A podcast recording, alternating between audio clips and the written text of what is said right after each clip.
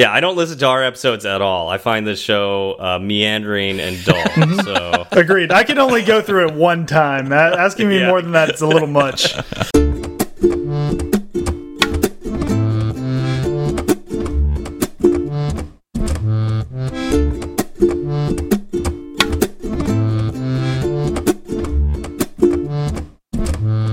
What's up, y'all? I'm Zach.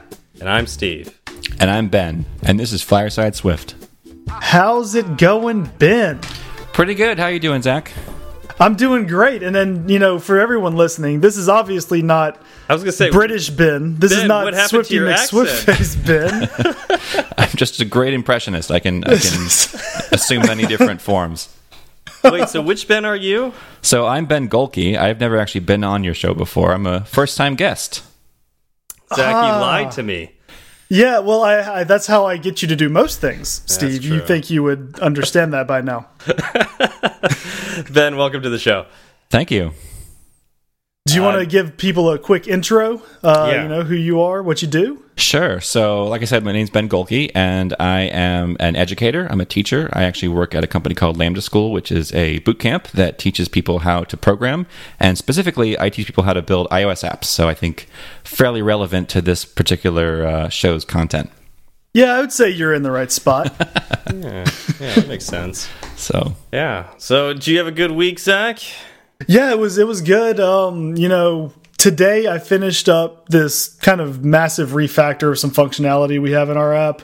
Um, it involved, let's just say, it involved a lot of delicate delegates, a couple of flow view controllers, um, and basically all that can transpire in between anything. Oh, and um, login and authentication. So it was Wow. it was a fun week.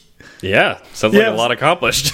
the uh the the first um PR I sent to my coworker got got rejected uh with with requests for changes believe it or not. Um and I had to basically go back to the drawing board and start from scratch. But I sent out another PR this afternoon and I've got much higher hopes for it You know what you could use? You could probably use uh, some some classes. You know, on, Yeah. on how to write code right the first time, right, Ben? I mean, in fact, we literally just colored uh, covered delegates this week in class, so you could have benefited from those lectures.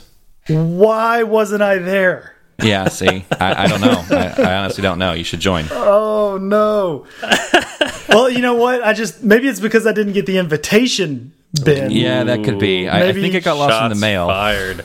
That that could be the problem. You could just It has you could- nothing to do with location at all. No, listen, iOS 13's mail app is not great right now, so I think I think it's. Oh. okay. Well, yeah, we'll blame we'll blame the new operating system. I mean, you don't- Catalina's been so great out of the box. So great. I was gonna say, you know what? Also, is a great release, Catalina. yeah. Uh, Yeah, has actually, that no, I haven't even you at all? experienced Catalina yet because my computer won't update to it. Not because it's old; it's just failed halfway through. Well, you've experienced pre-Catalina. Yeah, well, I guess. Um, actually, it did just finish updating while we were talking before the show started, but so I, I, I'm kind of lying. Um, it sh it looks like it's working, but uh, I'm, I'm very. It, it took. I, I think I started updating on Tuesday, and this is Friday. so Yeah, I mean, if we're Yep. being fair, four days is way too long to do an OS update. It's just a little too long. I wasn't Slightly. anticipating Slightly uh, breaking out average. my five-year-old computer for this, but here we are. Hey, it's it seems like it's running yeah, strong. no, I was I was having panic attacks uh, before the show, thinking, "Oh no," because we've been we've been trying to get you on for a couple of months now. Yeah. uh, to let everybody peek behind the curtain all a these little bit. excuses. Steve's out of town, and there's just all these things that always keep cropping up. And you're just like, "Oh, next time, I swear, next time we'll get you on." And then this time, you're like, "Listen, we're having technical problems. We can't boot into Mac OS." And I'm like, "I think maybe there's a, a, a second story going on here, Well, some Ben, other the- reason." The, re the real story is Zach said Ben wanted to come on the show again, and I well, he didn't say again. He said Ben wanted to come on the show, and I Uh-huh. thought I, I added the again, and I was like, I, I just don't want to talk to that guy again. and Well, Man, you thought we were talking about out there Making ruining a reputation. yeah, you thought we were talking about Ben's the other kill bit. me. Uh, nice. All right, so uh, I think this is a good time to talk about talk about our sponsor for a little bit because uh, we were just talking about things that go wrong, And you know, just like you know, from the the, the smallest organization to the largest organization, uh, software rollouts aren't necessarily the smoothest thing in the world. And that's why a company like Sentry can really help you out. Sentry is an open source framework that you can add to your apps that uh, will help you detect crashes uh, when they occur. Uh, because we don't write perfect code, right, Zach? No, no. I mean, we don't live perfect lives, so of course we're not going to write perfect code. I mean, last week I was on this show. I said the the alphabet had 25 letters. Luckily, you were there. You were my my in person crash sentry? reporting. Yes, you were my crash reporting, and I was able to go back and correct it before I looked like too much of a fool, right? Uh, Sentry fills the same role, but for your code, because your code, you know, you're not going to get an immediate response when something goes wrong. You're going to need something like Sentry to kind of back you up and make sure that uh, you can fix whatever goes wrong. Yeah, and Sentry is free. Uh, it's easy to add to your apps, uh, but it also has a whole bunch of premium features as well. Uh, you can go take take a look at those at Sentry.io. They're premium because they do cost money. Not everything, but like the premium features do cost money. Uh, but if you use our promo code Fireside Swift, all one word, Fireside Swift, you'll get hundred dollars off new accounts. We'd like to thank Sentry again for sponsoring Fireside Swift. All right. So at this point, we talk about feedback, right, Zach? Sure. Do we have any yes. feedback this week? Yeah, let's let's kick it off with uh, Heffertron. Um, you know, he's he's our buddy. He's constantly commenting on our show, and we enjoy that. Uh, he said, "Haven't even finished listening to this week's episode of Fireside Swift. However, I'm pretty sure, pretty sure S.W. Berard's segue can't get any better. This week has got to be the peak." Oh, and I mean, man. I don't. I don't not, think it can be the peak. It's not. It can't be the peak, right? Well, it's not. It's not hard to peak from where you were at. Uh, wait, no, no, no. Come on. This is this is an art form. Well, and the other thing is, how can he know that if he hasn't even listened, finished listening to the podcast yet? Right? If he's not all the yeah. way done, there could right? be other gems that he's not aware of. Week? Yeah, we could have we could have thrown two segues in there. Yeah, that's it's true. it's it's our show. We can do what we want. Yeah, there's no rules. Yeah. I mean. No, I mean, no, no rules. This is Fireside I mean, Swift. Of course, there are no rules. yeah, no rules whatsoever. Uh, what was the segue last week? Was it was it the Star it was, Trek uh, one? That was yes, Star Trek. When you were trying to get me to say data. Yeah. Mm, yes. That was good. I'm looking forward to this week's. Yeah, yeah, this will be a good one, I think. Uh, okay, so we also got feedback uh, referencing your uh, your little uh, miss uh, miss uh, use of the number of letters in hey, the alphabet. Hey man, charts are hard sometimes. uh, this is from at uh, oh, this isn't a word, is it? It's P R T M S K. This is this sounds like a startup because uh, there's it's it's no just vowels. a bunch of letters, no vowels. no vowels. P R T M S H K. So uh, maybe you know, let us know what that's supposed to mean because I, am really not sure. Unless maybe that's your name in some form or fashion. But you know, so forgive me if I mess that up. um, anyways, this has got to be the most hilarious off by one errors in history. Brought to you by Fireside Swift. It's what I do. I mean, if I'm going to do something, I might as well be the best in all of history. Yeah. I mean, Ben, how many times have you seen an off by one error in your classes? Hmm. Actually, I would say probably not super often because Swift's pretty good about you know letting setting you up so it doesn't that doesn't happen, but it does happen occasionally. That's true. That's true. That's a good point. Like, I'm thinking like because I taught C back in yeah, like when I was in grad easy. school, and yeah, I saw it all oh, the all time, time. all the time. So yeah, that's that's why I was so quick to forgive you, Zach. But I guess Ben, you're right. Like he he's working with Swift. He really he doesn't deserve any forgiveness. It, there, there's it, not much room Swift for excuses me. there. No, Swift babies yeah. me. I, it, look, if I had written code to print out all the letters, it would have been fine. And I mean do we really need all 26? I mean, the, the Phoenicians, that was so long ago. Uh, we should, we could probably revisit this. Yeah. Uh, replace a replace a couple with some emoji, and we'll be fine. There you go. And the yeah. thing is, there are probably there's I'm sure there's an alphabet out there somewhere that has 25 characters. It, maybe you weren't talking about English. Maybe it was a different right. uh, different glyph set. Thank you, thank you. Like don't give, it's not my fault. Excuses. Everybody was making this weird assumption. Don't give a pass for that. Uh, Please- well, thank thanks, you, Ben. PRTMS You're welcome- you're welcome back anytime. HK for for pointing that out. it's always fun to po poke at Zach. Uh, all right. Well, so Ben, Yes. so what is it like being a cobbler? It's great. Uh, you never run out of shoes. Um, Yeah, yeah. Uh, I think that really like when when you are teaching shoes because that's what a cobbler does, right? You're you're teaching the shoes how to fit better, right? yeah, yeah, yeah. So you can Wait, always do get that, you- that perfect fit. What's you your actually- favorite part about that? It has to be the elves, right? Tell me it's the elves that make the shoes. Uh, yeah, they they're they're very hardworking, um, and and they Okay. they work for virtually nothing. So that's the really great part is the profit margin is huge. Now, in particular, this episode, I think we should really talk about what happens when you take those shoes out camping. Yeah, because there's What- all these yeah. environmental hazards that you have to deal with. Yeah. Uh, what's what? What do you think is the the best kind of shoe when you're camping? Hmm. I don't know. I mean, the pointy ones are, are great for you know everyday type things, but but I feel like you need something a little sturdier when you're when you're going out uh, into into the wild. So probably something with at least a good tread. Uh, if if not, you know, if not full protection, because there's lots of stuff out there that could mess up your feet. So you want lots of lots of all around protection. Right. Nice, you need like a nice sturdy galosh. Yeah, Galosh, yeah. yeah.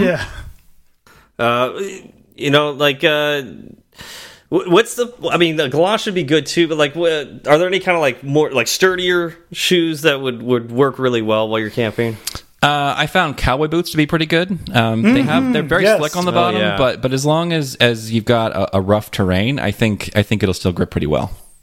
Yeah, I had a pair of army boots that were really great when I was camping. Yeah, uh, and they learned really well too. I mean, you could just talk to them for hours and they would Yeah. just pay attention to you. Like you know, it's just amazing the concentration. Because what else Um, is there to do out in, in the wilderness, right? But talk to your shoes. Absolutely. Yeah. Yeah, that, absolutely. that explains a lot, actually.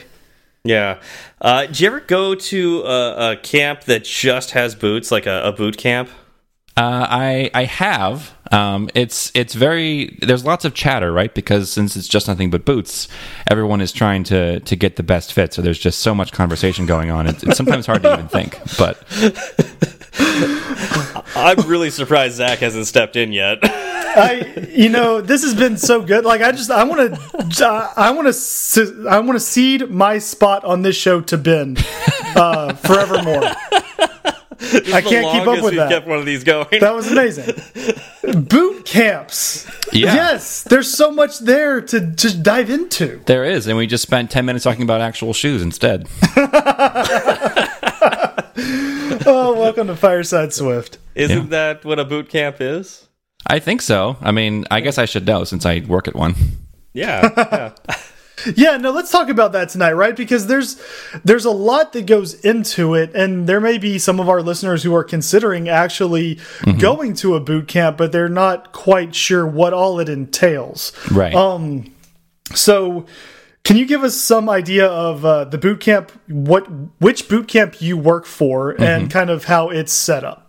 Sure. So, just to kind of give people kind of a, a, a basic definition of a boot camp, it's, um, I guess, most closely aligned with a vocational school. So, if you've ever been, you've ever seen, you know, commercials on TV about going to becoming a welder or anything like that, where it's this, the training you're going to get is not going to be a- university style training where you're going to learn a whole bunch of different broad subjects.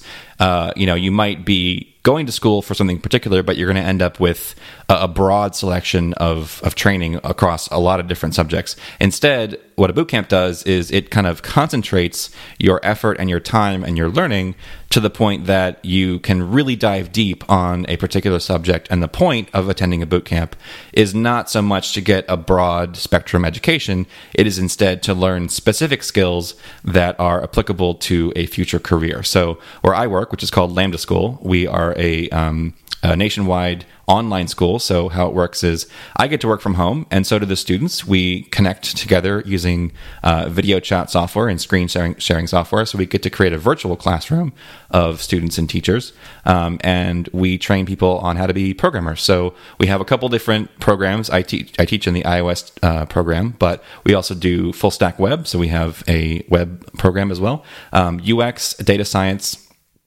um, and so you can pick from from different uh, disciplines, but once you choose something, you end up uh, spending a decently long amount of time, um, and also uh, it's very intense. So, like in you know in college, you might attend a couple a couple classes a day, and you end up maybe two, three, four, five hours a day in actual class, and then the rest of your day is spent on you know homework and also everything else that's going on in your life in a boot camp because it's so much shorter than the typical four year university program we have to concentrate that effort. And so you really are going to work at least a full-time job's worth probably 40 hours at a minimum because we we have class going on in some capacity from 8 a.m to 5 p.m uh, every weekday. Um, you're not necessarily in a lecture that whole time but you are engaged in the school and doing different activities. Um, and so that's the minimum and you're probably going to spend a little more than that because you're going to have time on the weekends and stuff to kind of catch up on things you may have you know missed or whatever. So uh, it's very intense but the cool thing is that you can get through the whole program in nine months um, and you can go from being basically knowing nothing about programming coming in to being a, a, a talented and and skilled in my case ios developer if you take my class. Um, and you are eminently employable. The whole point is to get students not just to the point where they know how to build an iOS app, but that they also understand kind of the full developer like lifecycle ecosystem. We use Git all the time. We teach them about how to plan for projects and how to work on a team, um, and to work with different people of different disciplines. So you can work with UX designers, you can work with data scientists, you can work with web teams. So that way, really, when you are done, and, and you interview and maybe get a job as a junior developer, on day one, you can be useful and productive to the company. That's the goal. That's really impressive. And um, it sounds like that probably would have been the route I would have tried to go down instead of going back to school back in like 2010 2011 yeah. um and it actually sounds like it probably would have been more beneficial like right. i remember i remember landing my first job and getting there on day one and uh sitting down and you know a, a senior developer came by we downloaded we you know got my laptop all configured uh loaded the project that they did onto my laptop and I looked at all the lines of code and all the different files and how everything was set up, and I was like, "Wait, this isn't this isn't how it was in school." Right? I don't. What is what is all they this? lied to me. what? I didn't need to talk to a, a, DBA to get anything done. It was just there. right. Yeah, I, I, didn't learn how to use uh, any sort of uh, source control until mm -mm. after college. Right. Yeah, that's, yeah. that's that's typically the story, right? Is that you know the CS degree program in, in the United States anyway is um, you know for a better or worse not really super well aligned with the kind of work that we all do as as professionals as developers, and so that's something that the bootcamp industry in general and certainly the Lambda School in you know in particular is really we're designing our programs to be essentially the antithesis of that, right? To instead of giving you this super broad spectrum, spectrum knowledge, we are very closely honing in on the exact skills that will make you employable and then teaching you those things and having you practice those things so that you can do those things immediately as soon as you get hired. Yeah, that's awesome. The, what kind of um, interview prep do, do y'all do any interview prep at Lambda? Because you know, I feel like the the interview landscape um, with software related jobs is kind of all over the place, right? Yeah, and and at least in, in my opinion, relatively broken, right? I mean, if you look yes. at the way that interviews yes. are conducted, technical interviews, they don't typically have a lot of similarities to the real job you'll be doing. it's a lot of like, oh, you're going to do a Swift, okay, well then write Python on this whiteboard without any references at all. Yes. to prove that you know what you're doing. So we'll hire you to do to make iOS apps. Oh, it's and, and like, do what? it under a time limit. Yes. You've got like a two minute time limit to do something you'll never actually Right. do in the workplace. Right. Oh, and, and by the way, we're, there are going to be five people just sitting behind you staring watching at you, do this. Yeah. Judging. Uh-huh. Judging Not you. saying a word, just staring. Yeah, exactly. Yeah, It'll so- be just like your normal everyday work environment. Right. Yeah. That's that's. I mean, that's what I was doing before I was a teacher. Right. I was sitting in a a, a glass roomed uh, conference room, writing all my code on the on the the side of the the glass wall while people stared at me. Yeah. Yeah. Yeah. That's what being what a we all do, right? is. Yeah, I, that's normal. Um, That's normal. so yeah, so I think we can kind of all agree that that process is pretty broken. But unfortunately, that is also the process that it's the world that we live in. It's I, Yep. I certainly counsel my students, and I think I think everybody at Lambda does to.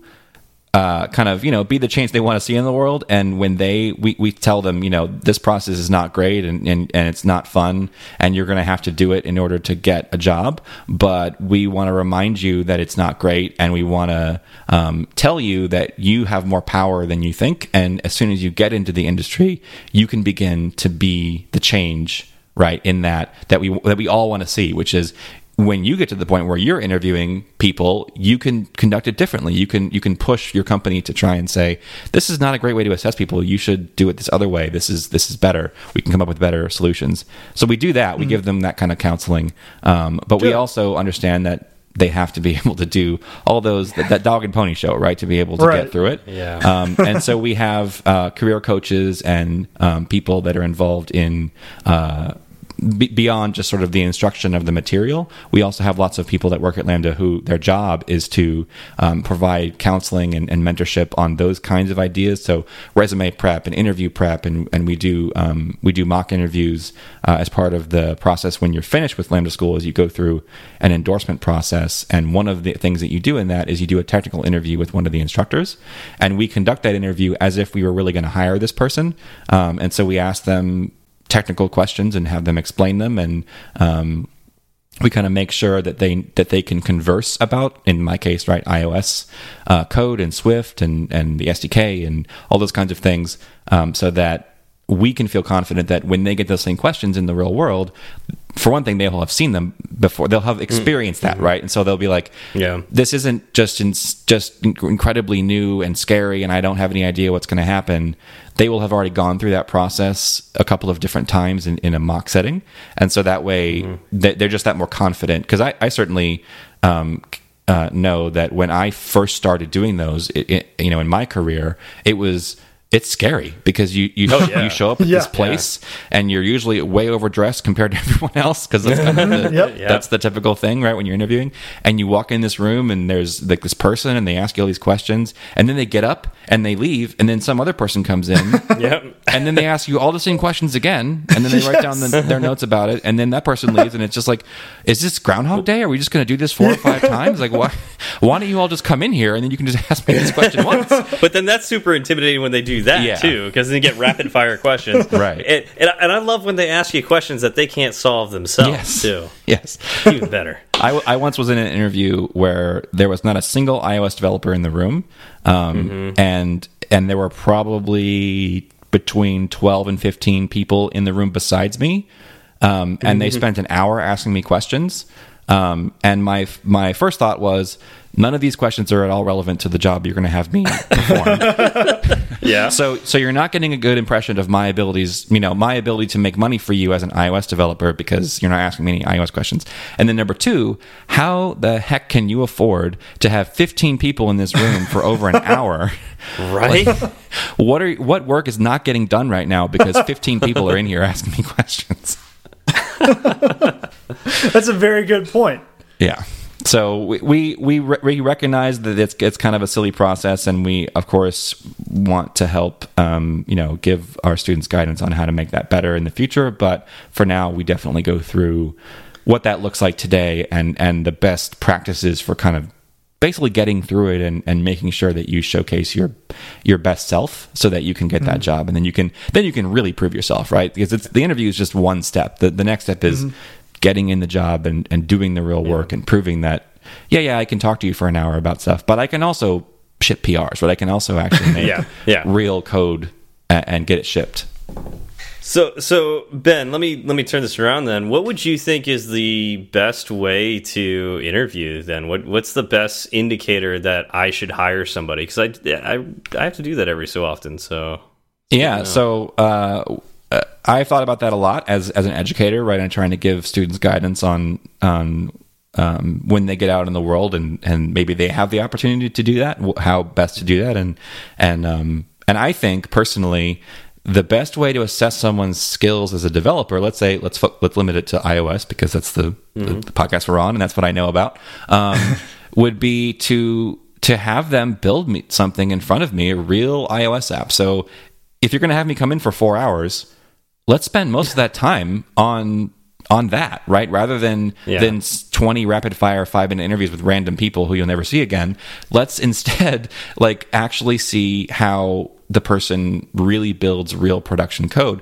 And so what I would do is if, you know, if, if I was in charge of a whole company and, and I could just make this the hiring practice, what I would do mm-hmm. is I would have, um, I would have basically PR, uh, uh, sorry, issues that are always kind of out there that are not mm-hmm. necessarily super, super critical bugs, but they're things that like, look, they're in the backlog. We're going to get to them eventually. Um, mm-hmm. Let's take a couple of these and let's give them let's give one to a candidate in an interview and say okay here's the issue here pull the code right and give them like a computer that we that we control right so here's a laptop it's already loaded with everything yeah. you need here's the GitHub issue or whatever, right? I want to watch you fork and clone this thing or, or whatever, branch and clone and then branch it or whatever, however we do it, and then uh, work on it, right? And and and it's cooking show style, right? So as you code, explain what you're doing. Give me the thought process. Give me your stream of consciousness thought process on how you're solving the problem, and then when you're done, you know, commit and push and ish, and create a pull request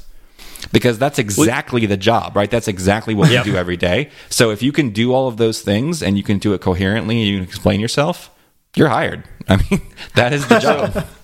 One question with that though, because I've actually had these discussions with some of my coworkers. Mm -hmm. How would you get around the fact that you just basically ask somebody to work for four hours for free? Yeah, so that is that is a concern. Um, it depends on how, of course, how big the the issue is and how much time they're going to spend on it. I think if mm -hmm. I feel like if it's going to be like an hour, then and if you explain this to them up front, this is how we assess people, mm -hmm. and they opt in, I feel like it's probably not a big deal. If it goes on for several hours, then my opinion is you should pay them, right? Give them some yeah. setup ahead of time, some kind of standard contract rate and say we're mm-hmm. going to have you work on this for four hours to prove your abilities but we're not going to make you do that for free because that would be that would be you know mean right? That's that's not appropriate yeah. to, to have you, slave labor. Yeah slave yeah. labor. Like you, you thank you for fixing that issue. We're going to go ahead and put that yeah. in, the, in the trunk and we're going to move on. But we're not going to hire you right? So like we never have to hire anybody. We just keep interviewing people and they fix all our exactly. it's a great way of doing work. Yeah. So I, I think uh, it, it's about expectations right so if, if it's going to be relatively short and you and you have them opt in I feel like it's totally fine and if it's going to be longer than than I think what would be what people would consider to be reasonable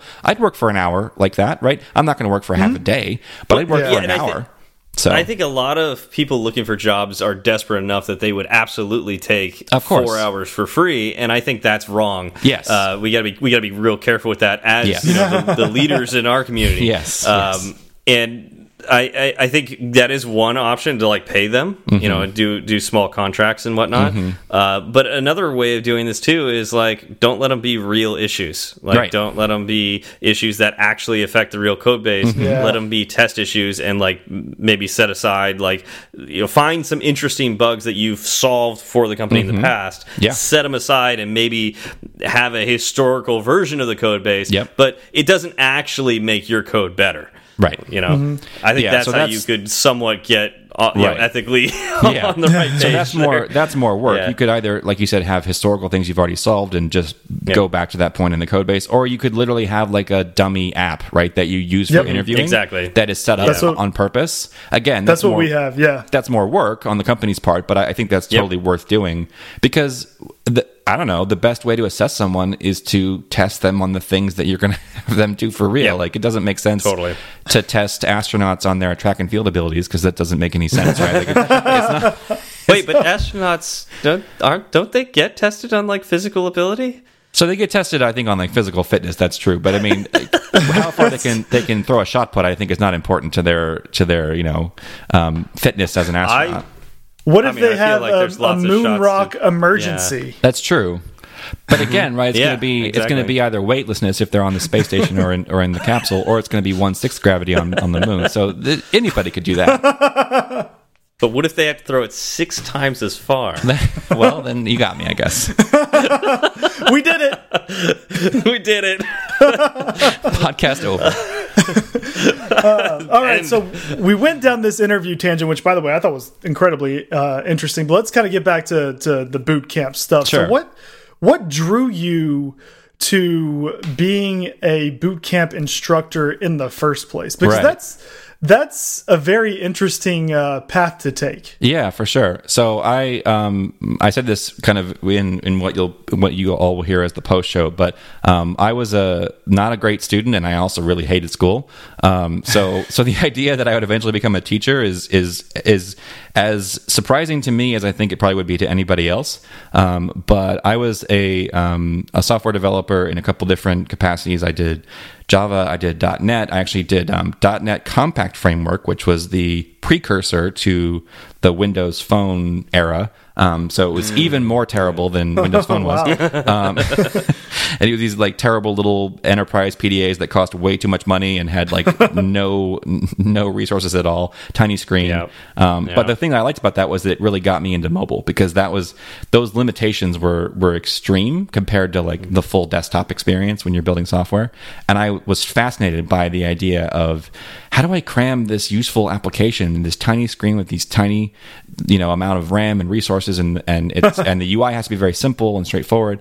And that really kind of drew me to mobile. And so then I of course when the iPhone came out, I, I switched over to iOS um, and did that for several years.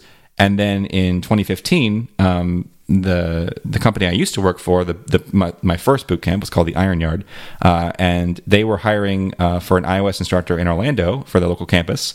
And I was a member of the local meetup, um, the iOS meetup that I that I actually now run in Orlando. Um, and uh, they reached out to that the leader of the, of the meetup at the time and said, "We need an instructor. Do you know anyone? Are you interested, or do you know anyone in the community that you think would be good?" And he thought of me. And so he just sent me, a, I think, a DM on Twitter or something. He's like, "Hey, man, do you want to be an instructor and teach iOS?" And I was like, uh, "Is that a thing? Can you do that?" I, didn't, I didn't even know that was possible. Um, and so I was like, I, "Maybe that sounds interesting, but I don't, you know, I like I don't have eh, like teacher credentials. I don't, I don't know if I'd be qualified or not. But yeah, I sure send him send him my information." So they, uh, he did, and we kind of got connected and and went through that whole process.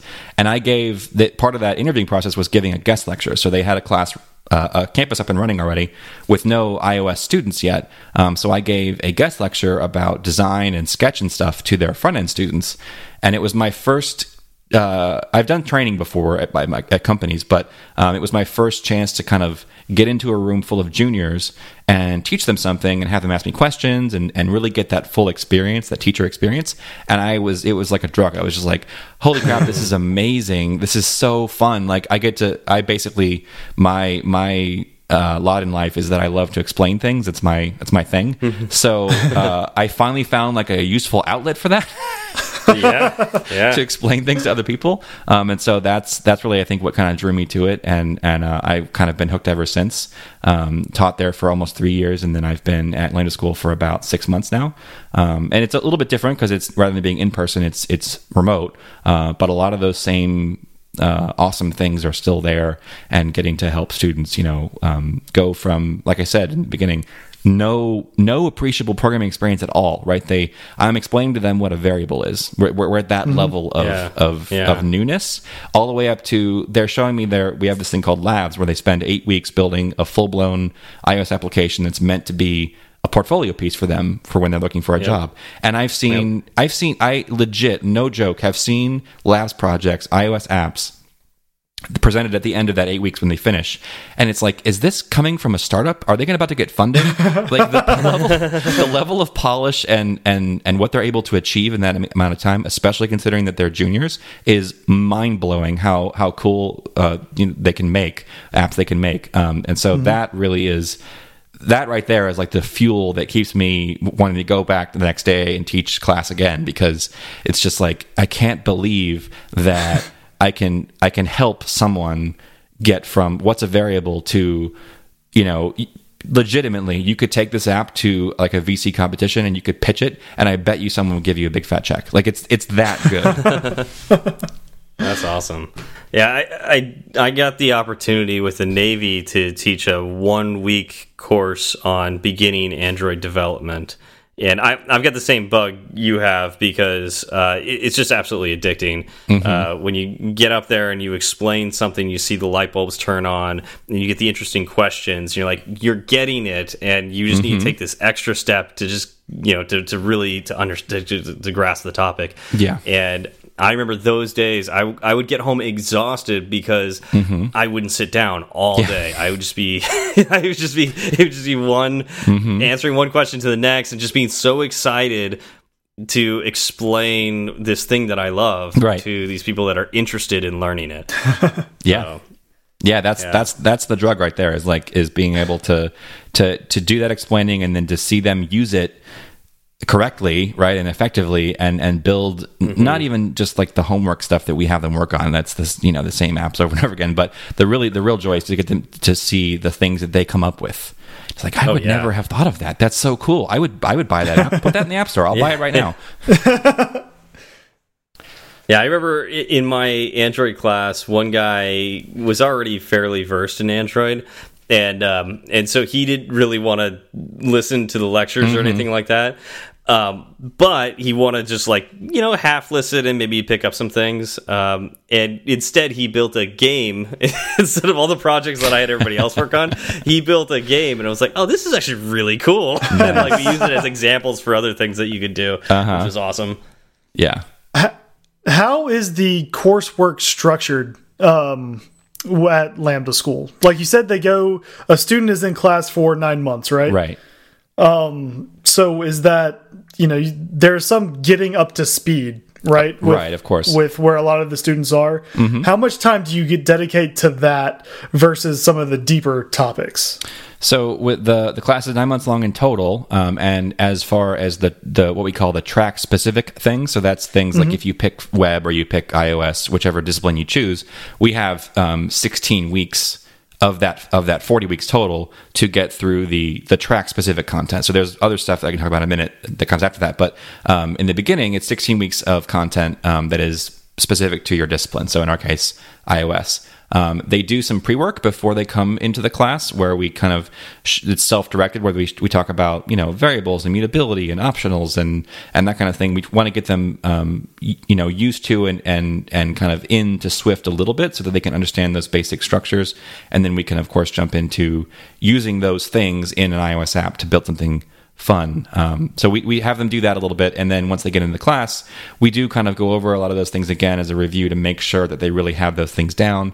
Um, and then we start to jump into uh, building iOS apps. So for us, the first week of class is entirely Swift. It's, it's all in playgrounds um, and it's really understanding uh, all of the all the basic things you can think of with Swift. So, like I said, um, mutability and optionals, and we get into protocols a little bit, um, that kind of thing and then uh, the week two is where we start to actually build real real apps. So we go through things like navigation controllers and basic app architecture, and uh, you know different ways to structure your app and and how you need to pass data around. So delegation, for example, is one way to pass data around. Um, so we kind of get into that, but we're every every day when we're in class, it's not like I'm I'm, I'm not like you know Ferris Bueller's teacher just standing there droning on for two hours about stuff they don't care about um, we we follow what's called the IY model, which is it's a initials and it's, it's IWY, and it stands for I do, we do, you do. So we follow a flipped classroom model, meaning that the students are actually exposed to this content in written and video form before they come to class, so that they have seen it at least once. And then okay. in that's the that's the I do, where I, the instructor, through the written content and the videos, explain some things.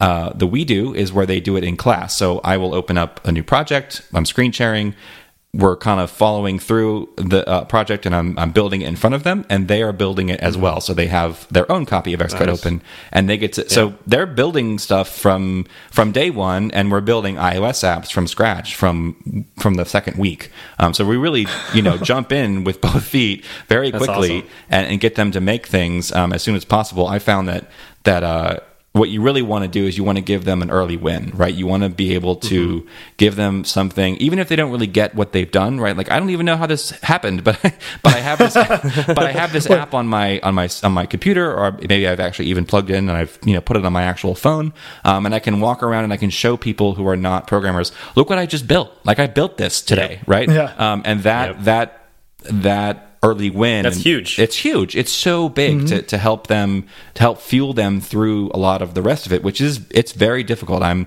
i'm i'm never one to sugarcoat or try to um make it seem like yeah yeah whatever. Anybody can learn to code. There's no it doesn't require any effort. It's like no learning to code is very very difficult and it's going to be Yeah. it, no matter where you come from or what your background is, it's it's it's really hard, um, and and it's going to be a very long and difficult and hard process. And you're gonna at some point, probably at multiple points, you're going to want to quit. And so Yeah. having those wins Yeah. is very important because you're like, yeah, I could quit, or I could build that cool thing that I want that I've wanted to build for two years. If I keep going, right, I'll, I'll get the skills I Yep. need. So, how do you keep the motivation up um, to kind of help students get through those points when they want to quit? Or you just do you keep introducing them to things that is interest that are interesting? Um, do you keep basically kind of a rolling project schedule so they're always working on something? Um, Yeah, I, I mean, I, I I would certainly hope that the way that we introduce topics is done in a way that is is approachable, um, and you know, we're always tweaking that to make that better. Um, and then I also hope that we're doing um, you know doing things and working on apps together, and and they're doing them you know also for homework that are interesting and that introduce you know cool um, cool ideas. Uh, once we get into networking, it really starts to pick up because we can start playing with web APIs. And there's all kinds of. There's one called SWAPI, which is the Star Wars API. Oh, Um, yeah. So you can use that. I mean, we, we, we, we basically are always searching for open source, like free to use APIs. Um, there's a Marvel has an API. There's there's all kinds of different open APIs you can access. Um, Dark Sky's API is really great. It's it's free up to a point um, to get weather data. So uh, we try to, especially once we get to the point where they've got a, we got a little steam built up, right? They they know how to build a basic application, um, and they know the basic architecture of of how to build uh, you know, some kind of a small but complete iOS app, we start to introduce networking, um, and then it's like, okay, we've really now unlocked a whole nother level of what you can create. because it's one thing to build something and like, hey, every time I run it, I have to enter ten different records myself to get it to have data. But once you can start pulling data in from the web, you can you can make things that are Yeah. just so much more interesting because you're like, oh look, movie posters and and videos and all kind. Of, You know, you can start bringing in all this cool stuff. Yeah, yeah, that's that's absolutely true. And like then it turns into like how can I how can I show this new data in interesting, cool Yeah. ways? Like that's when you can in introduce animations and all sorts of really, you know, like dynamic, uh, like UI collection view with its, uh, you know, dynamic way of uh, rearranging tiles and whatnot. It's Yeah.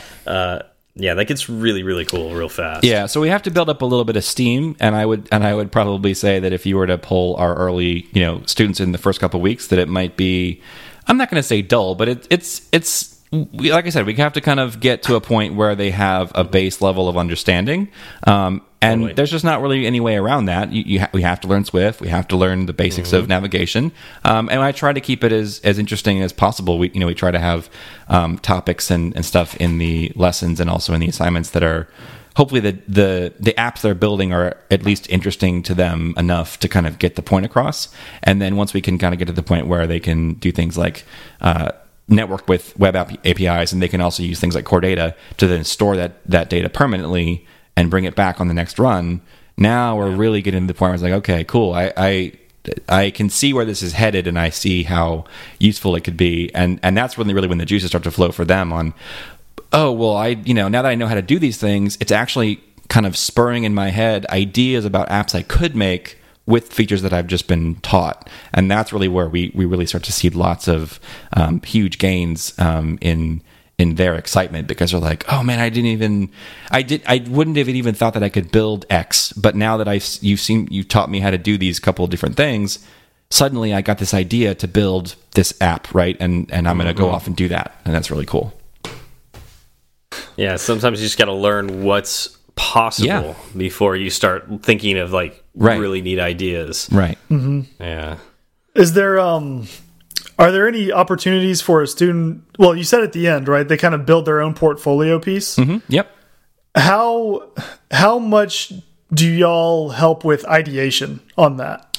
So we we help quite a bit. Um, we do have uh, a set of of of ideas that are constant, constantly evolving that students can pick from. Um, and then we also encourage them to think of their own ideas, um, either from whole cloth if they want to do that, or if they want to kind of look at the ideas that we've got and say, you know this one's really cool but it'd be great if i could if i could build this but kind of tweak it in these other couple of ways to make it different um, and that's something that we also um, encourage is, is for them to to to kind of get the seed of the idea from something that we provide and then maybe they say this but with this kind of tweak um, and mm-hmm. and we love to see that kind of thing because you know it it certainly i'm sure you guys know like anytime you can work on something that you are genuinely passionate about the idea it makes doing the work that much easier. Um, so, well, pl plus that's that's the real world. Yeah, uh, the real world is somebody's like, oh yeah, we want to do this too because like that company's super successful doing that. And You go, mm -hmm. yeah, but we can't just like steal their idea. right. But wait, well, what if we tweaked it a little bit because mm -hmm. it mm-hmm. kind of sucks in this way? It's like, yeah, all right, let's fix that one thing. we'll hit that target market. Yeah, exactly. That's the world. That's literally every company that ever existed. Mm -hmm. I mean, there are there are new new ideas, right? So it's all just variations on a theme. Mm -hmm. Yeah, that's that's wonderful. Um, so if if I am a potential student, yes. for Lambda, um, what can I do to prepare? Um, for the boot camp. Right. So if you are a potential student and you want to take the iOS course, um, that's what I can, of course, best speak to since that's what I teach. Um, the best thing you can do is listen to Fireside Swift, of course. Um, of course. Yes, because of course, it gives you, because it gives you, uh, you know, you, you want that. I think in addition to learning how Swift works and learning how iOS works and being able to build apps, it's also really important to kind of be jacked into the community some and, and to understand uh, what the community looks like and where you can get help beyond Lambda School. So your time at Lambda is going to be very important for you, and we, we want to do everything we possibly can to help you. But once you get out in the world, We'll, of course, we'll still be here. But in addition to us, there are all kinds of other amazing resources that you can use to to get help. So, having an awareness of what those things are, I think, not that you necessarily need all of them all at once, but having an understanding of what they are will really kind of better prepare you um, and steel you against future um, issues you might have where you're like, oh, okay, cool, I got this job and I'm doing pretty well, but I have this big new thing they want me to work on, and I don't know how I don't know how to do that, right? And so, like, where can I go to learn how to do that thing so that I can then do it for my job? And so, having kind of a, a built up library of all these these people and resources that you know you can kind of go to when you need them, um, including like for example listening to this show. Right? I mean, I I, I said it as a, partial joke, but I was also being serious. I mean, having having an awareness of the community and the people that are in the community is good because you can you can reach out to those people and ask them questions and I mean, and you guys get feedback from people about um, both just how you have helped them and, and maybe ways you can help them and stuff like that. So having access to all those and just knowing what those things are is is huge. We take those things for granted, I think, because we're already in the industry. But so mm-hmm. often I see juniors coming in uh, and and coming through the program and and I and mentoring them in various capacities. Like I said, I'm also the the organizer for one of the organizers for iOS Orlando, our local iOS meetup, and so we have people coming there from all different levels of understanding. Um, and I think one of the biggest, scariest parts about becoming a developer for juniors is that they're like, not only do I not know how to code, but also I don't know anything about any of it. Like I don't, yeah. I don't, I don't know who else is doing it. I don't know what the resources are. I don't know how to interview. I don't know how to make a resume. Like the whole thing is just completely opaque and and unknown to them. Um, and and that's very scary. I mean that's that's that's not what you want when you're when you're changing careers. You want to have an idea of where you're going to go and what you can expect. And so if you want to be really prepared i think the best way to do that is to do what you can to kind of immerse yourself in the community now um, because that will only pay you dividends later on. I mean my my job as an instructor is largely attributable to me you know, learning iOS and becoming a, a, accomplished iOS developer, that was something that I was able to do through various jobs in my career. But the but the real reason that I'm here is because I went to my local meetup reliably every month, and I talked to other developers, and I did a couple of panels uh, at the meetup and kind of helped other people, and I I built a reputation that was one where it seemed like okay you know ben knows what he's talking about and he he's a, like a reliable community resource. And so then when the iron yard went to um, the leader of the meetup at the time and said we need someone he thought of me right? So like in addition to uh, knowing where i can get help i'm also kind of setting myself up so that when opportunities do come along i'm prepared to receive them and and utilize them.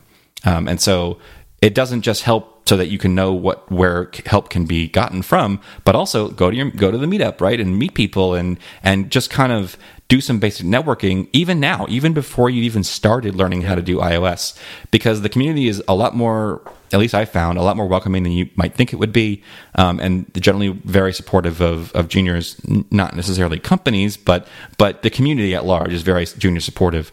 Um, and so, any connections you can make now in nine months when you finish lambda school you'll have those things already set up and you might say i'm looking for a job and you start to tweet and you start to talk about it yeah. at the meetup and stuff and someone's like i have a job for you right? And they and they are more willing to do that with you because they already know who you are. So yes. so any yeah, kind of com- it's just it's all it's all upside. There's like there's basically no downside. Yeah, yeah, no, yeah. I uh, for those people who, who've listened to this podcast for a while, I've spoken about my former coworker Raghav uh, quite a bit, and I met Raghav through my meetup, and you know he is just after he went through a boot camp, but he could have done this before he went to the boot camp and mm -hmm. then mm-hmm. gone to the boot camp. Um, but he had gotten out of the boot camp and started going to the meetup, and he was very blatant. He's he's there to look for a job. Now, I didn't have one when he first started coming, right? But he asked such like such good questions. He had good answers when I would ask the group questions. Mm -hmm. That eventually, when you know, I think it was like six months after he had started going, I was like, "Wait, you haven't found a job yet? Like, what on earth?" Like, yeah. And I had I went and talked to the owners of my company. I was like, hey guys, like this guy should have been hired by anyone else. He's still available. Yeah. We could get him at a discount. Let's grab yeah. him. yeah, and that and, and, that happened because of not because he showed up once and and he was like, hey, I'm looking for a job, and you and then you then went to the mat right for him. It's it, yep. that didn't happen. It's because he came reliably and he participated and yep. and he showed himself to be a person who is reliable and and uh, you know and inquisitive and and um, and tenacious, and that's really what you're trying to do. You're not you're not going to get a job day one from these things that I just said you should do, right? That's not how this works. There's a much longer tail on it. But if you put in the work now, it's just setting yourself up for those things possibly happening to you in the future. Yeah, and and speaking from the opposite side of that, because I I was in Raghav's shoes at one point. Um, I ended up getting my job uh, through a meetup, right? Yeah. um, my coworker now he actually led the very first meetup I went to um, in, about iOS in Austin, um, and it was it was you know like y'all said, I I stayed connected with everybody. I you know spent time with them. I got to know them and then after about nine months to a year or so mm -hmm. someone on the slack channel said oh by the way my company's looking for an ios developer. Yeah. Yeah. I mean at that point you already have an in at the company. You're already a leg up on everyone else that right. comes through in a giant stack of resumes. Yeah. Because that's yep. the other thing about the interviewing process and like getting a job right is that cold applying is is it does work but it is the least likely to work. it is it is the yeah. least useful way to to try and get a job. Getting that that like side door where somebody can say, "Hey, come over here," right, and then like and you can you get into the side door. That's so much better um, for getting a job. And the only way that's possible is if you have relationships with people who are already in mm -hmm. the mm-hmm. industry. So like mm -hmm. you know do that work now. We, we just had um, I just had a, a junior um, iOS dev who's been coming to the meetup for a while. One of my former students now works at a company reached out to me and said, "Hey, we're hiring. Do you know anyone kind of more on the junior end that would be a good fit?" And this person who's been coming to the meetup and has been reliable and stuff, um, and asking good questions, I said, "Yeah, I think this this person might be a great fit. Let me make an introduction between you and them." And and I did, and that person just reached out to me and said they just got the job. So that's awesome. like it, there is there is proof, right? It does work if you just show up and Yeah. ask good questions and, and be eager. And as a an, a meetup organizer, I'm gonna I'm going to um, now uh, get on a soapbox and, and speak for every other meetup organizer and say, please, please, please volunteer to give a talk at a meetup. We are Yeah. desperate for people to give talks. Um, so uh, and and I can only s- talk at the meetup every like so many times before. It's like someone else should be like you're all tired of my voice i'm sure. Like i'm sure you'd love to hear from someone else at this point. So please please please volunteer. It's a lightning talk right? Give a talk it's five minutes and just talk about something that you're working on. Maybe you don't even have a solution to the problem. You're just going to say i'm working on this code. Here's what i've got so far.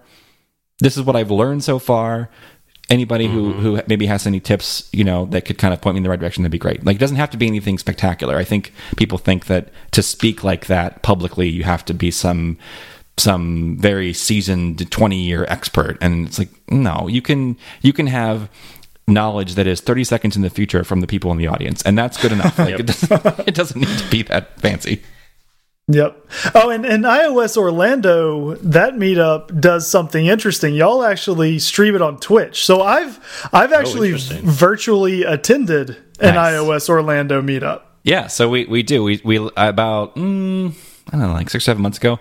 Um, my Twitch account was not being used for anything. and I was like, why don't I just try streaming the meetups? so That's awesome. So I got some extra equipment to do that, um, and started doing that uh, at the meetup to try and you know boost the the just boost our kind of reach. Um, and it's it's been going pretty well. We, we typically get on the order of like I don't know maybe a dozen, 15, 20 people in, in the virtual uh, room on Twitch at a time. So that that that does quite a bit to you know to improve our numbers. Um, mm, So and it, and like you said, you can watch it from anywhere.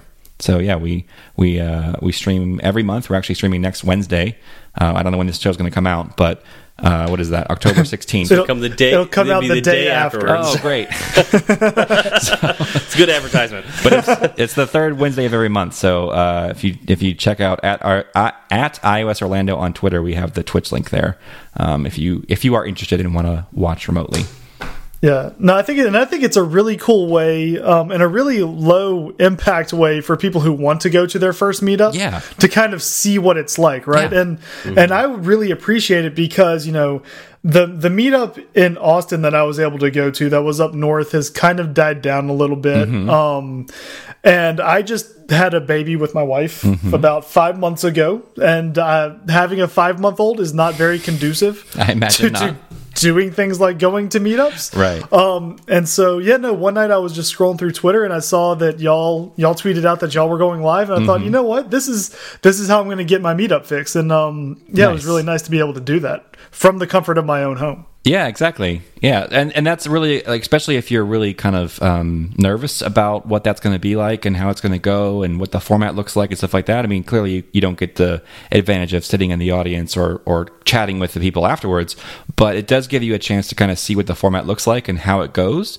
And if you are someone who has you know some anxiety about what that might be like, maybe attending something like that virtually would be a good first step to to seeing what it's what it's all about and then attend a couple of those. And then maybe you find maybe you're local to orlando and you come to ours or, or maybe you find one that's in your community um, that works for you that you can attend live. But you don't all the things that i just talked about all those all those things that i said you should be doing or that, that are best for you to do don't take that as if you don't do all these things then you're then you're you know destined for failure. You don't have to do any of them really right? You can get a job without doing any of those things but um, they're kind of all upsides and and uh, and they will increase your chances in some capacity to to get a job but you don't have to do them all and you don't have to do them all right away. You can you know like you just said zach right? Just 10 one virtually and then next month i'm gonna try i'm gonna do it again and then maybe the month after that maybe i'll try and go to one in person right just set up yourself with set yourself up with with a schedule or with a a, cup, a set of goals and ease into it don't don't feel like i have to do all this stuff immediately or i'm gonna fail Hmm. Yeah, no, I think that's that's really well said. Um, so say I'm I'm in the iOS track at Lambda School now. Yeah.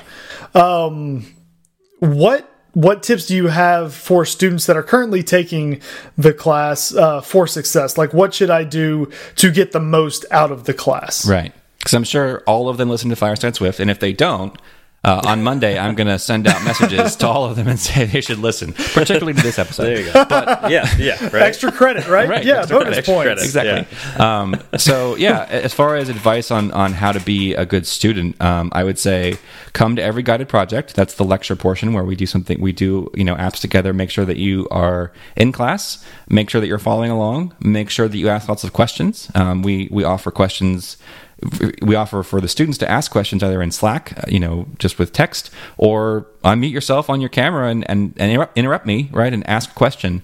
Um, another thing that I found that really is a problem for, for juniors is that they feel really, really nervous about asking questions. I think it's a combination of I don't know how to phrase this right. I don't want to look like I don't want to make it seem like I'm I'm stupid and I don't know what I'm doing. I don't want to do this in front of the class because that's really kind of scary. Me and the instructor are gonna we're gonna have this little conversation and everyone else is gonna watch us do it. And what if I make a mistake? And you know they, they have all these these concerns about how that's going to go, and they think it's going to be just terrible. Um, and and I can say for a fact that it it is almost never like that, right? It's it's pretty much always just you have a question? You ask it. I try and do my best to explain it, give you another example. We go back through the code we just went through or whatever to help you understand. Um, and I always try to ask at the end, like, you know, did that help? Is the, is this better? Does this make more sense? It doesn't need to make perfect sense, but are you better off now than you were a minute ago when you asked the question? Um, and and usually the answer to that is yes. And so again, it's upside, right? It's all upside. Just ask ask the question you have, um, and and that's what I'm here for. I'm here to help you understand these things better. You could go take a Udemy course for fifty bucks on your own. And you don't need to spend all the money that you're going to eventually spend by going to Lambda School. You can do it all. You can do it for free. I mean, there's there's resources available for free to learn iOS. So the reason why you're here is because you want that interaction between you and me, you and your classmates, you and our, our team leads, which are our student staff, right? You want all that additional mentorship.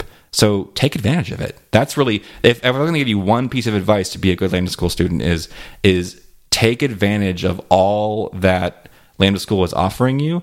And quite frankly, all of the stuff you're paying for, right? You're literally paying to come here to sit in your in your house and be on a Zoom chat with me, and to, and to get live access directly to an expert and to get your questions answered. That's why that's what separates us from a Udemy course, right? Is is the expertise and the and the keeping you motivated and moving you forward and all that kind of stuff. So so lean in, right? Lean into that experience and take full advantage of it because the people that do that then are the ones that build those apps and labs that are just stunningly amazing. And they get they get hired sometimes even before their their time at lambda is even over. We do have students who get hired before they're done and that's that's a fantastic. I mean, we're you know we we want we have ways for them to kind of continue their their their learning in a part time capacity, so they can continue and finish out their their training. Um, but we love that when that happens, right? When a student gets hired early, and it's because they leaned in and they did everything they possibly could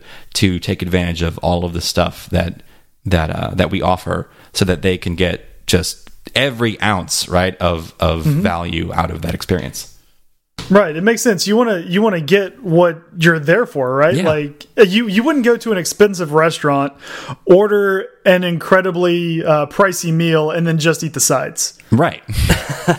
like just that that's good not something that's not something people think about. But Right. uh, I can see how some students would be like you said they'd be in class and they wouldn't want to ask a teacher a question. Well, when you're not asking that question, you, you're not eating the steak. Eat the steak. Right, exactly. Yeah, I'm going to use that. I'm stealing that, by the way.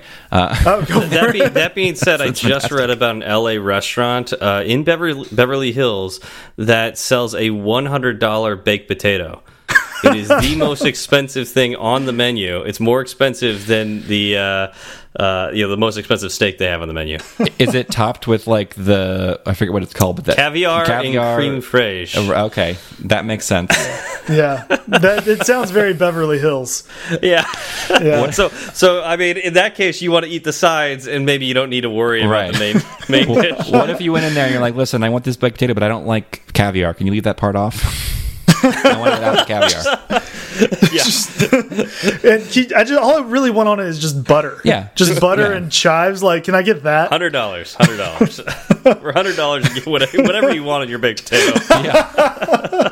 Uh, for hundred dollars, can I get um, four pieces of filet mignon on my baked potato? Yeah. yeah. yeah, there you go. Uh, this has been an awesome conversation, uh, and I, I feel like we can go on for a very long time. Yes. you know, much much longer than we normally have an episode for. Uh, but uh, I want to kind of bring this to a bit of a close. Ben, any last uh, parting uh, bits of advice or uh, something that we we didn't talk about that we failed to talk about that we should? Right. Um, well, I don't have time to go into all of those tips, but I do have a podcast that I can shamelessly plug here that does go over those things. Um, it's a show. There, there's yeah, there's no shame for this. it's a show called Model View Conversation, and it's a tech education podcast. So um, it's uh, co-hosted by me and my friend Brian Gates. We're both educators um, and have taught juniors before, teaching them now. Um, and so we go into all of those ideas about everything from you know how should you build your resume for for a technical audience, how should you interview, uh, what kind of ways can you learn, and what kinds of um, ways can you once you get your job can you get ahead and go from being like a junior to a mid. We really kind of try and cover all those different aspects. Uh, so if you're interested to learn more about that, if you are a junior and you want to try and break into the industry, um, we have about I think 25 episodes out so far, and uh, we'd love for you to listen. Yeah, and We'll in put a fact, link to that in the show notes too. Yeah, and, and if y'all have been listening to this show, um, MVC, that this is the podcast that I plugged on Fireside Swift a few weeks ago. Um, I'm really into it. It makes me so happy to be able to have Ben on our show now uh, because I'm a big fan of MVC. Well, then we'll definitely have to have you on our show. I'll have to reciprocate. That's fair. I'll do it. All right. There we go. Uh, ben, how can how how can everybody reach you? Yeah, so uh, if you want to talk to us in a sort of podcast capacity, we're on Twitter at MVC Podcast. Um, and then I am personally on Twitter. My Twitter handle is Ferrous Guy, F E R R O U S G U Y. Excellent. Very nice. Well, Well, cool. thank you for uh, coming on the show. We really enjoyed it. Appreciate it. Really, really appreciate having uh, you know having me on, and, and I really uh, enjoy the podcast. And it was great to to talk about uh, everything that I love to do, which is to teach um, you know juniors how to get ahead. And that's as you can see, not just professionally, but also for some reason I even talk about it on my own time. So it's, it's You're just really into it. That's fine. yeah. It, it definitely comes across that you love what you're doing. Yeah. it, it's it's obvious in in the passion in your voice, and that's that's awesome to hear. All right. Thanks so much. All right. Well, I don't think we have any shout outs this week, so I think that does it for us. Well, we actually you all. we Oh, actually we do, do? have one, We but uh, it, it didn't Oh. make it into the show notes, so that'll have to be next week. Uh, okay, all right. We're gonna save that shout out for next week. Uh, we went a little long this week anyway, so maybe that's that's good. Um, but yeah, anyways, thank you all for coming out. Uh, thank you, Sentry, for sponsoring us, and we'll see you all next week. Y'all have a good one. It's such a good feeling to be at the end. Happy feeling that there may have been a mistake or two. So we'd like to hear from you. Twitter's great, Breaker might beat it. Email's fine, but we rarely read it. But we love five star reviews, and we promise to mention you. So get a pen and write this down. Just kidding, who's got pens around? Still, they'd love to hear from you. Steve Berard and Zach Falgout. Tweet at Zach and have some fun. At TFALG, or you do one. At TFALG, or you do one. He'll write back when his work is done. Tweet at Steve and you will see clever use of the emoji at SWB. E R A R D. Fireside Swift has its own handle, so you can burn three sides of the candle at Fireside underscore Swift. At Fireside underscore Swift. And if your message is a little too long, there's firesideswift at gmail.com and firesideswift.com. farsideswift.com.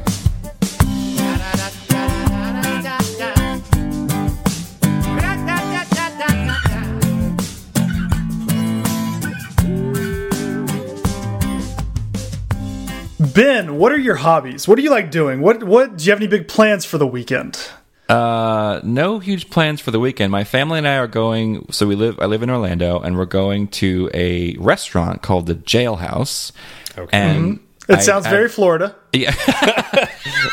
Wait, is this what you do in Florida? You just Listen, commit crime, crimes will not so you can tolerate go any to jail Florida bashing on this and- show. not cool. No, but um, so it's called the jail. I actually know nothing about it. My my parents, I I think, have they either found it or they've already been there. I, I don't know, but they, they found it and they wanted to go. They, apparently, it's very good. Um, and they actually specifically booked us in this. Spe- like they had to make reservations. It's a special like room or something you can yeah, book. That makes and sense. it's called there's so many, solitary. There's so, there's so many people who go to jail in Florida that Right. you, right. You, have, you actually have to reserve your spot. Yeah, exactly. So it's called solitary confinement, and it's like a special room Because you, why wouldn't it be? that you get to eat in. I know nothing about this, and I'm kind of I could you know I could look it up. I'm sure they probably have a website. I'm actually going to choose not to do that. I'm just going to like walk in and just see what happens. Yeah. Um, but it's supposed to be very good food, so that that's the plan for for tomorrow night. Um, is What's to your last meal, right? Yeah, basically, Yeah. exactly. So, So- be on the show, and then and then that's it. That's that's. what you want to do is when you get in there, find the biggest guy you can. and take him out, okay? Right, right. Sounds good. That's those are prison yard rules. That's just Yeah. Yep. that's yeah, That's it goes without heard. saying. But that's why you're getting thrown into solitary, right? Because you you're Yeah, because going to not do a model that. prisoner, right? Yeah. right, exactly. Um, so beyond that, uh, my my hobbies are really um, kind of consuming, like playing with as many gadgets as possible. I'm a complete gadget nut. So like I have a I have a drone, I have a an Oculus VR system. Um, so I really like kind of checking out. Uh, how amazingly advanced we've gotten in consumer tech. Like it's just stunning to me that I can own a little tiny like helicopter that I can fly myself, um, and that also I can strap on you know a headset and some controllers and and end up in this this um, this just completely different world uh, in my living room. Like that that stuff is just super super cool to me, and I, I'm I'm really excited about what we. You know, we already have, and also kind of where that stuff could go in the future. Um, Have you have you tried combining the two, having your Oculus headset oh, on? Oh, that's exactly where I was yeah, gonna go. like have you seen those the the, the the drone racing? You know, they put the Yes, the on- drone yeah. racing league, the that yet? I have not. So that's called um, FPV, first person view, where you get Yep. to like see wh- what the drone sees. Um, And I do get that in the so like I, I have a um, a Phantom, which is a DJI uh, drone, and how it works is you get a, a, a radio just like you would with any other model plane, the sticks, right? And then you also get you can plug in your your iPad or your iPhone to that controller and it actually casts it beams the video from the drone to the controller which then goes to the screen of your phone or your ipad so you can actually get that first person view on your ipad as you're flying it but it's not the same thing as having it on your face right that, Yeah, that yeah, would yeah, be yeah. That's even what you better gotta do. That's the next step. yeah I mean, I think step, some yeah. cardboard and uh, a roll of duct tape, and we can get this thing going. probably just strap it right to my face just that, Yeah. that works yeah I already, I already don't look weird enough standing in the middle Yeah, in an right. empty field somewhere uh, with my drone. I strap an iPad to my face. That'll that'll just complete the look. Well, you know what? You know what I'd love is like if you did the the drone racing with the first person view, but the camera on the front of the drone could actually swivel with your head and like gives you some indicator of like this Right. is forward. And so like it could be like a pilot view where you turn your head and you could see around the drone by Right. looking around. But like you you you still know which way you're supposed to be heading. That would be Uh-huh. really cool. So then what you so then if someone were to watch the person flying the drone, they would just be standing there and then they would be constantly like turning their head and Yep. dipping their body and like Yep. they're flying the drone by like you moving their body to do it. That would be Well, not necessarily. No, no. very- You you still have your controls, right? Like Oh, I see. I you're still see. your flight stick, but like imagine you're the the pilot, like you're sitting down in a chair. Oh, I see what you're saying. Yeah. Yeah, yeah. That would be cool. But yeah. no, no, no. That'd Let's really go back cool. to what Ben said. I want to see Ben fly a drone with a Wiimote. Yeah, there you go. Yeah. I, I I can tell you the drone would be would be in a million pieces in about five seconds. I believe that. You know I what? think that would be fantastic. That's that's how you step it up a notch. I remember. right. Do you remember the leap motion control? Yes. Yeah. Yes. Zach, do you know what I'm talking about? um, that sounds familiar, but I can't I can't put it with anything. So it's like a little, it's like a little like candy bar shaped Mm-hmm. thing that you put on your desk, and then it like it basically beams. It uses I think cameras or something to to look straight up, and so you can put your hands directly above it, and it will track your hands and your fingers so that you can manipulate things on your computer just by sort of moving your hands around. Yeah. oh, you can kind of like Tony Stark it. Yeah, or like Or if you if you guys have ever heard of a, Report. Yeah, yeah, exactly. Like Minority Report, or if you've ever heard of like a theremin, which is that Yeah. musical instrument where you don't actually touch it, you mm-hmm. just get near it. That kind of thing, where you kind of wave your hands around and then stuff happens. Yeah, and I, I think Yep. I think it uses IR, um, if I remember right. Is that what it is? Okay. Yeah, but I do remember when that came out, there were a lot of demos of people controlling dro uh, drones by just moving their hand up and down on one of those. So I could see that as being the control surface. the control Yeah. surface is no control surface. Yeah. That's the best control surface. Mm-hmm. We're So my- living in the future. My dream is that have you guys ever seen Tomorrow Never Dies? It's one of the many kind of terrible yet great mid '90s Pierce Brosnan, Pierce Brosnan, uh, yeah. James Yes. Bond movies. Um, And in that one in particular, I love the scene where he's he's driving his BMW from his Yep. phone. Like he he kind of flips the phone open and Yeah. has a little pad and a little screen. That's Yep. that's my dream for for. Uh, you know where we're headed is is being able to to RC my car from my phone. That would be If you had a Tesla, you could do that. So. I I do actually have a Tesla. Well, don't you already Oh. have that then? So Wait. yeah, so they just released that that new Smart Summon feature, and I did try it in the parking lot of a Chili's the other night, um, Yeah. and it was Because and- that's where you drive your Tesla. of course right. Well, I mean, I, you know, you're paying for the Tesla, you got to go to Chili's. Um, Yeah, gotta go high end. That but then it was prison. actually it was raining, so I was like, "This is perfect, right?" Walk out, still under the overhang. It, I can see the car. It's just you know several spaces down in the spot. This was like the perfect use case.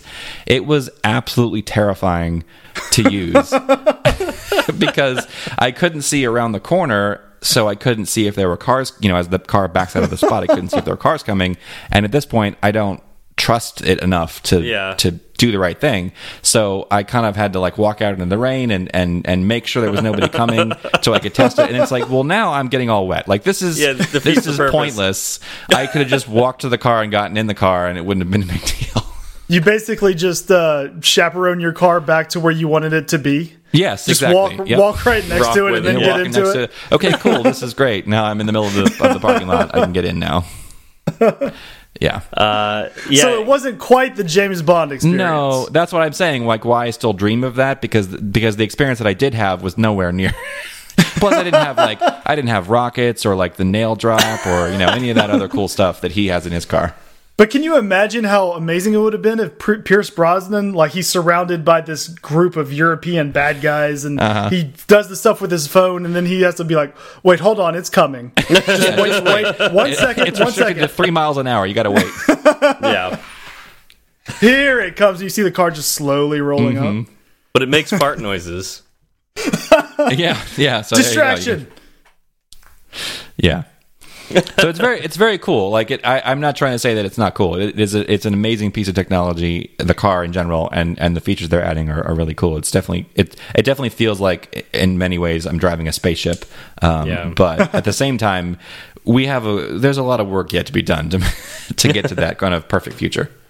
Sure. Are there laws around that kind of functionality in the car? So that is a topic of um, interesting discussion. I actually I have a friend who also owns a Tesla, um, another Model Three, and he tweeted the other day that he was getting a ticket by one of the local police departments for using for for being in a parking lot of a Starbucks and using summon smart summon to bring the car to him. Um, the guy was giving him a ticket, and when we kind of asked him about it, he said it was I forget why there was some rule that the that the cop mentioned as this is why you're getting a ticket. Oh, it's because he was saying that that fully autonomous uh, control of a vehicle is only available for commercial vehicles, not for like regular civilian vehicles. You know, personal ones. Um, and then he ended up not getting a ticket um, because uh, my friend was able to was to talk to him about it, and they decided that what he was doing was not actually fully autonomous because you are actually in control of the vehicle from your phone while it's doing it. You how it works is you push the you push and hold a button in the Tesla app, um, and and you have to keep the button held down for the car to continue movement. As soon as you let go, within half a second, it stops the car. So. Yeah. You're in control still, so then he was like, "Well, okay," and so he didn't. He scratched. He he you know crumbled the ticket up and didn't give it to him. But it does seem like it is still a, a, a you know up maybe up to interpretation. Interesting. Yeah, which is not great because uh, you know it it shouldn't be up to interpretation. Either should be illegal or not illegal. And if it is illegal, then Tesla should not be allowed right to roll the feature out. So it, it's. I think I think companies and lawmakers are going to you know continue to have a back and forth about that. Yeah. Yeah, it's definitely got some some interesting implications Yeah. behind it. Yeah, Yeah, well, in, in different states have different laws too. So of course. Right. Yes. yes. How far away can you summon a vehicle from? Like, is there a limit? Is there a Right. range? So I don't. Could you ship me your phone and I can summon your Tesla to Austin? so so that's so that is, that's a joke, right? But it's also it's also something that is an aspiration. Elon Musk has tweeted before about how that is kind of one of the longer term goals of the autonomous. I mean, ideally, once the car is fully autonomous, the answer to that is yes. You right? Right. If it can fully navigate all traffic conditions, there's no reason why it couldn't drive from Florida to Austin, um, including stopping at superchargers and having it Yeah. automatically plug itself in and and all that stuff. Uh, it's not here yet, of course, but that is something that they're I think they're kind of looking at long term. Now I think it's I want to say it's like 200 feet or thereabouts. It's basically the same distance as Bluetooth because if Yeah. the phone and the car can't talk over Bluetooth specifically, um, it will not initiate. It won't let you initiate a smart summon. Yeah. So it's, Okay. it's the whatever the range of Bluetooth is, which I think is like with perfect line of sight. I think is like 300 feet. So that makes Okay. sense. yeah, that that works. Like, because you don't want you don't want someone to be like summoning it from across. I mean, I guess you No. could do it from across the street, but it's still right. uh, no one would want to watch their Tesla roll through an intersection. No, that would be especially if you weren't. Yeah, if you weren't like right there, that would be that would be terrifying. I did. Yeah. it- the the previous version of Smart Summon, which is where it can only move forward and backwards. Um, I did actually watch a YouTube video once of a of a, a guy who was he was up like three or four stories in his office um, where he worked, and his car was parked on the street, and the the street parking had some kind of time limit.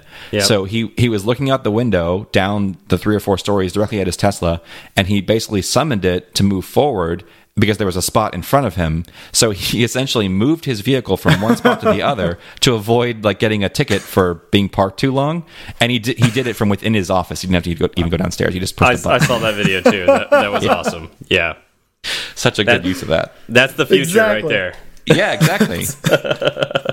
no meter maid's going to get me for this one, right? I'm going to just Yeah. move move to the next spot. So yeah, don't, yeah, in the, don't in the future, don't change the silly laws. Change change Right. the, the technology allows them to bypass the silly law. yeah, in the future, you'll be walking down the street and like every half hour, every car will switch spots. We'll just move one Yeah. spot forward. just, just on its own. So you think you think about the purpose of that law. It's like okay, we're going to get less cars or people using the, these spots Right. for where they work and like leaving them here all day. So what they do is they just move, uh, you know, a foot. You know. Could you imagine how creepy that'd be if you're walking down the street and 60 cars all just moved Yeah. at once, one Yeah. spot forward? I think that was a, a Stephen King movie, wasn't it? right. Probably. yeah, or it's Disney. It could be a Disney movie. There Yeah, was, there was either like way. three of those, right? That's true. Yeah. Well, I was thinking, you know, it's October, Halloween. I was trying to go a little more sinister with it. Well, are you saying Disney's not sinister? Haven't you seen WALL-E? That is that is true. It's a That is true. frightening That's- future. The future is bleak. Yeah. That might be Elon Musk's uh, dream. yeah. Just put everybody on a spaceship and send them around. I think Right, all, we all all the weigh Pixar 1,200 movies are connected. You know, Yeah. Yeah. We're all sitting on Tesla chairs. Drinking Tesla Slurpees. yeah, yeah. Making Yeah. adorable robots. Mm-hmm. Either that or the robots mean- are making themselves. I'm not really sure, but they're adorable robots. So Yeah. But as long as they're adorable, I'm okay with Yeah. it. I mean, me I could think of a worse future. Like, it's, that doesn't sound great, but like, it doesn't sound terrible either. No, there's yeah, you could definitely go worse than that. I, Yeah. I agree. Ding. That's for that's for Mr. Mc- McSwift face.